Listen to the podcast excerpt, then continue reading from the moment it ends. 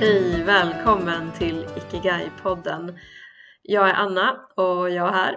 Och Malin, jag är också här. Vad roligt att podda igen. Äntligen. Ja, ja, och det här avsnittet, stolthet är vårt tema. Ja. Och stolthet, jag tänker så här, ja men den här känslan av att bära upp någonting med stolthet, ja.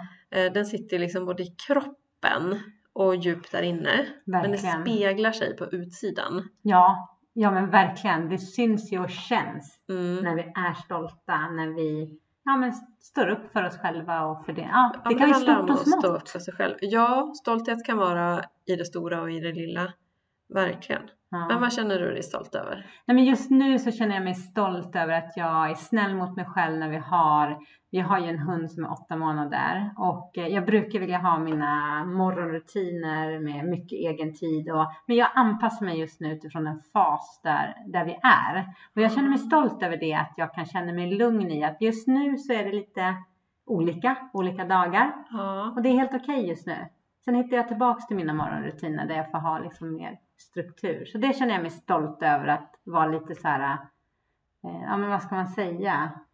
Eh, se det med kärlek även när det liksom inte blir som jag tänkt mig. Ja. Du då? Nej men jag känner i, just nu så är jag, jag är jättestolt över mig själv för att jag har tagit ett faktiskt ett för mig stort steg och påbörjat den här utbildningen till akupunktör.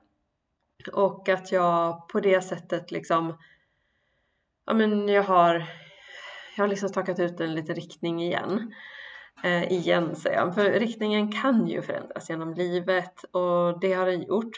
Nu känner jag just den där stoltheten för att jag, men att jag är på väg, att jag eh, men, har tagit mig dit. Och det är så mycket förväntningar och annat som ligger där också. Men jag jobbar mindre eh, och ägnar mer tid till studierna. Så, Mm. så det är stolthet. Sen måste jag säga att jag känner mig också stolt för ja, men, civilingenjörsutbildningen. Liksom. Mm, mm. Ehm, för det, ja, men det var inte liksom, men det var ändå ganska krävande år. Även om det var roligt också. Eh, på många sätt och vis har jag väldigt mycket nytta av Ja. mycket, inte allt kanske men, men mycket. Så jag känner mig stolt över att liksom säga att jag är civilingenjör. Ja, men jag känner mig otroligt stolt också över att jag ehm, gick och klarade av den utbildningen. Och nu när jag tittar i efterhand så är jag ännu mer stolt över mig själv. För jag var väldigt mycket sådär eh, att eh, ja, men jag testar och ser och så flöt allt bara på. Jag, jag tycker ju om att plugga och lära mig nytt så att jag Mm. la ju tid och så. Men min mamma berättade senare efter jag var färdig att hon var så orolig för mig. För hon kände civilingenjör, hur ska Malin klara det? Eh, Men jag är så stolt över mig själv nu när jag kikar på det efterhand. För det var inget modigt steg för mig då, för jag tyckte inte det var läskigt. Jag bara gjorde jag bara Mm, testade. Jag ja. tänkte, är det inte bra, då flyttar jag hem efter ett halvår. Så jag gjorde det aldrig till en stor grej. Men idag kan jag vara stolt över att jag, jag bara vågade. Mm. Körde och testade. Och, och jag kan vara stolt över min mamma som, som inte visade sina rädslor. Men det kanske är så att vara mor och se ens barn flytta hemifrån. Man vill inte att det ska Man vill Gör inte att de ont? ska misslyckas. ja, men bli ledsna och ont. Det kan ja, jag förstå. Och man blir ju stolt, om man tänker kring barnen, så man blir ju stolt när de klarar av saker. Ja. Eh, och ibland kan ju det liksom vara väldigt prestationsinriktat. Mm. Eh, och där får man ju liksom ibland passa sig för att inte bekräfta ja, Mm, fel. Mm. Mm. För det ska man vill inte att det ska vara i prestation. Nej. Men det är klart att jag känner mig stolt om Felix eh, står där med pokal efter en tävling och ja, det är roligt att han lyckas med sin grej, ja. eh, vilket är då segling. Så det är väldigt utsatt eh, och att det är verkligen, men det är verkligen han Ja. som fattar alla besluten själv. Ja. Eh, ja, nej, men det gör mig stolt. Ja. Men vi pratade mycket stolthet nu förra veckan och senaste tiden med Freja. För då var jag så otroligt stolt över, jag ville verkligen eh, berätta för henne att jag var stolt över henne. Att hon har flera tillfällen verkligen med mamma och pappa, så här känner jag just nu. Mm. Eh, och det här med att våga berätta. Och det har inte, det var ett stort och smått. En situation var att eh, förra onsdagen så var Freja också på segling. Och eh, det det hällregnade ute. Det var Mm. verkligen så här. Hon åkte iväg, ingenting. De gjorde ordning båtarna. I stort sett inga andra barn var där. Och hon hade stått där i spöregnet i 40 minuter och ja, förberett och grejat och skulle ut i båtarna. Så säger Freja, men pappa jag vill verkligen inte. Det var, det var ingen vind heller. Och just det här att för mig, situationen spelar inte så stor roll. Men att Mm. ja, men våga lyssna inåt och Mm. våga säga det. Mm. Det är så mycket lättare som förälder eller partner om jag vet att mina nära och kära de vågar säga när det skaver, när det är någonting. Det har ju du och jag också haft som liksom policy i, i företagandet. Jag kommer ihåg att vi skulle hålla en föreläsning. Ja, men det var Fuerteventura. Ja. Och så har vi sagt att skaver det måste vi säga till. Och jag, tror, jag kommer inte ihåg om det var en timme kvar till föreläsningen. Och du Anna, nej Malin nu skaver det. Vi gör om hela upplägget. Ja, vi kör.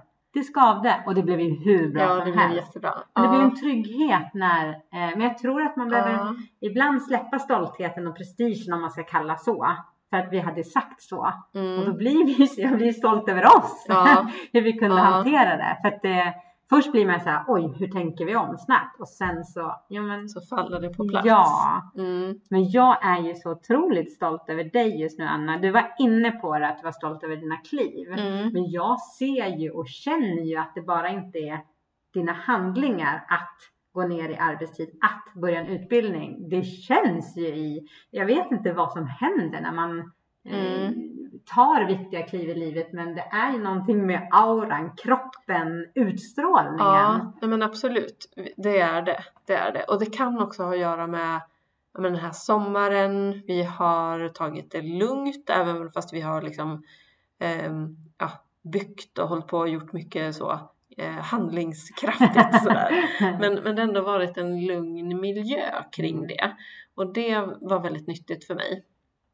Och det tror jag också gjorde att, ja men jag tänker stolthet också det här att, att man putsar eh, om det är pokalen eller Mm. kronan eller Mm. halssmycket, liksom Mm. att man bär upp någonting. Och lite så känner jag att den här sommaren vart liksom att putsa auran. Ja. Det låter kanske Nej men flummigt. Men, din själsliga Ja, resa. Det blir så flummigt för det är samtidigt, det är både hårt och mjukt Ja. i det här. För du måste, tänker jag, eller måste, men du gör det där hårda klivet. Mm. Jag söker, jag tar mig tid, jag bara går in till chefen och säger nej men jag vill gå ner i tid. mm, Känner sig stolt över det. Men när vi väl gör det så har det ofta landat i kroppen. Bara, mm, Det mm. finns, jag tror du sa det här om dagen. det fanns ingen annan. Alltså det var så tydlig riktning för dig. Ja, nej men då får du fråga var, var, var, varför blev det egentligen? Varför blev det nu? Så, och jag kan inte riktigt svara på det. För, för det, det är verkligen så jag kände när, jag, när vi hade det här samtalet och jag känner det, men jag känner det väldigt starkt liksom. Men där och då, det fanns ingen annan väg. Mm. Det, här, det kändes rätt, jag vill göra det här. Finns det rätt alter- alter- alternativ? nej, nej men det är, här, det är nu Ja. jag ska göra det här.